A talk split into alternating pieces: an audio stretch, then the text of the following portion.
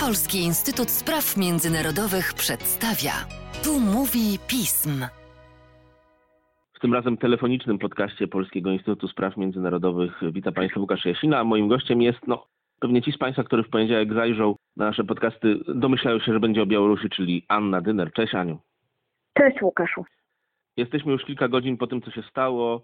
Różne refleksje się pojawiają, pojawia się myślenie w stylu początek końca Łukaszenki, pojawia się myślenie, że może to wszystko skończyć się tak jak do tej pory, a jak ty jako człowiek, który jednak ma duże doświadczenie w analizowaniu tego, co się dzieje na Białorusi, mimo emocji, które poruszają nasze serca w ciągu tej nocy, co o tym myślisz? Ja myślę, że to nie jest e, początek końca Aleksandra Łukaszenki, natomiast e, to nie oznacza, że nie będziemy mieli żadnych zmian w systemie politycznym i gospodarczym Białorusi. Sądzę, że przepraszam za dosłowność, Aleksandr Łukaszenka i jego otoczenie byłoby po prostu głupie, gdyby nie wzięło pod uwagę tego, czego domagali się protestujący nie tylko w Mińsku, ale też w licznych innych e, miastach białoruskich. Jeżeli to zlekceważą, e, to może faktycznie być e, początek końca tego reżimu. Na razie jednak nic na to nie wskazuje.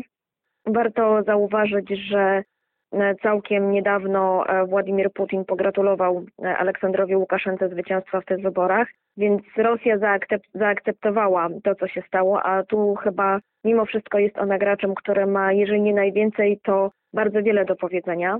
Do tego wszystkiego bardzo jest ciekawe zachowanie i retoryka mediów państwowych, choć nadal są bardzo duże problemy z internetem na Białorusi.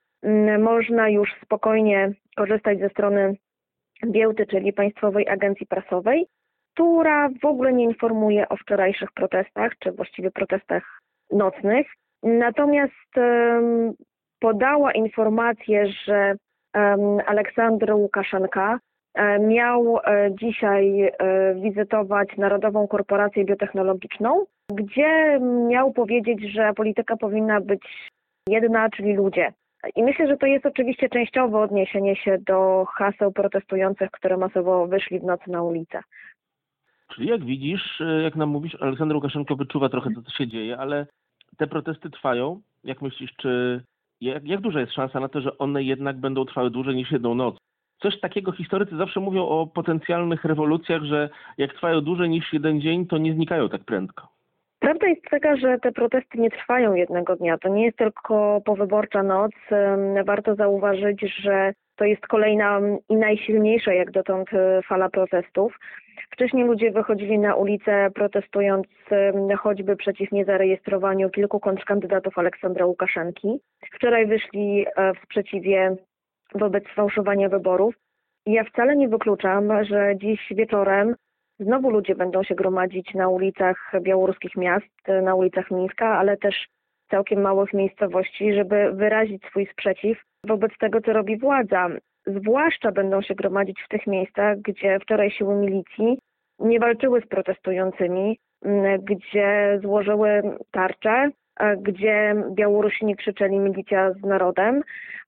Tam protesty pokojowe, co trzeba też podkreślić, rozeszło się spokojnie. W Mińsku doszło do pacyfikacji dość brutalnej protestów, ale też część osób wróciła w miarę, oczywiście jak na tamte warunki, spokojnie do domu. I ja naprawdę nie wykluczam, że dziś wieczorem znowu Białorusini wyjdą na ulicę, żeby protestować przeciwko tym, jak sami mówią, że ukradziono ich głosy.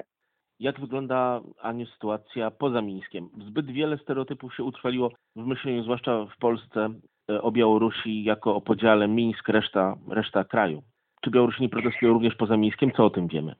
Tak, protestowali w bardzo licznych miejscowościach, Grodno, Brześć, ale też niewielkie Mołodeczno, które jest położone całkiem blisko Mińska na północ od stolicy. W Mochylewie, w innych miastach obwodowych. W niektórych tych miejscach e, najzwyczajniej e, siły policyjne, czy właściwie siły milicji nie decydowały się na pacyfikację demonstracji. W mniejszych miejscowościach jest to o tyle zrozumiałe, że tak naprawdę milicjanci musieliby wystąpić przeciwko swoim sąsiadom, a nierzadko również członkom własnej rodziny. Więc e, myślę, że oni mieli bardzo duże wątpliwości wczorajszej nocy, tym bardziej, że o ile jeszcze w 2010 roku e, wszyscy pamiętamy nieco sprowokowane sceny ataku demonstrujących na e, dom parlamentu białoruskiego. O tyle wczoraj nic takiego nie miało miejsca. Ludzie gromadzili się pokojowo, nie dochodziło do żadnego niszczenia mienia, więc e, teoretycznie nie było podstaw do tego, żeby brutalnie pacyfikować te demonstracje.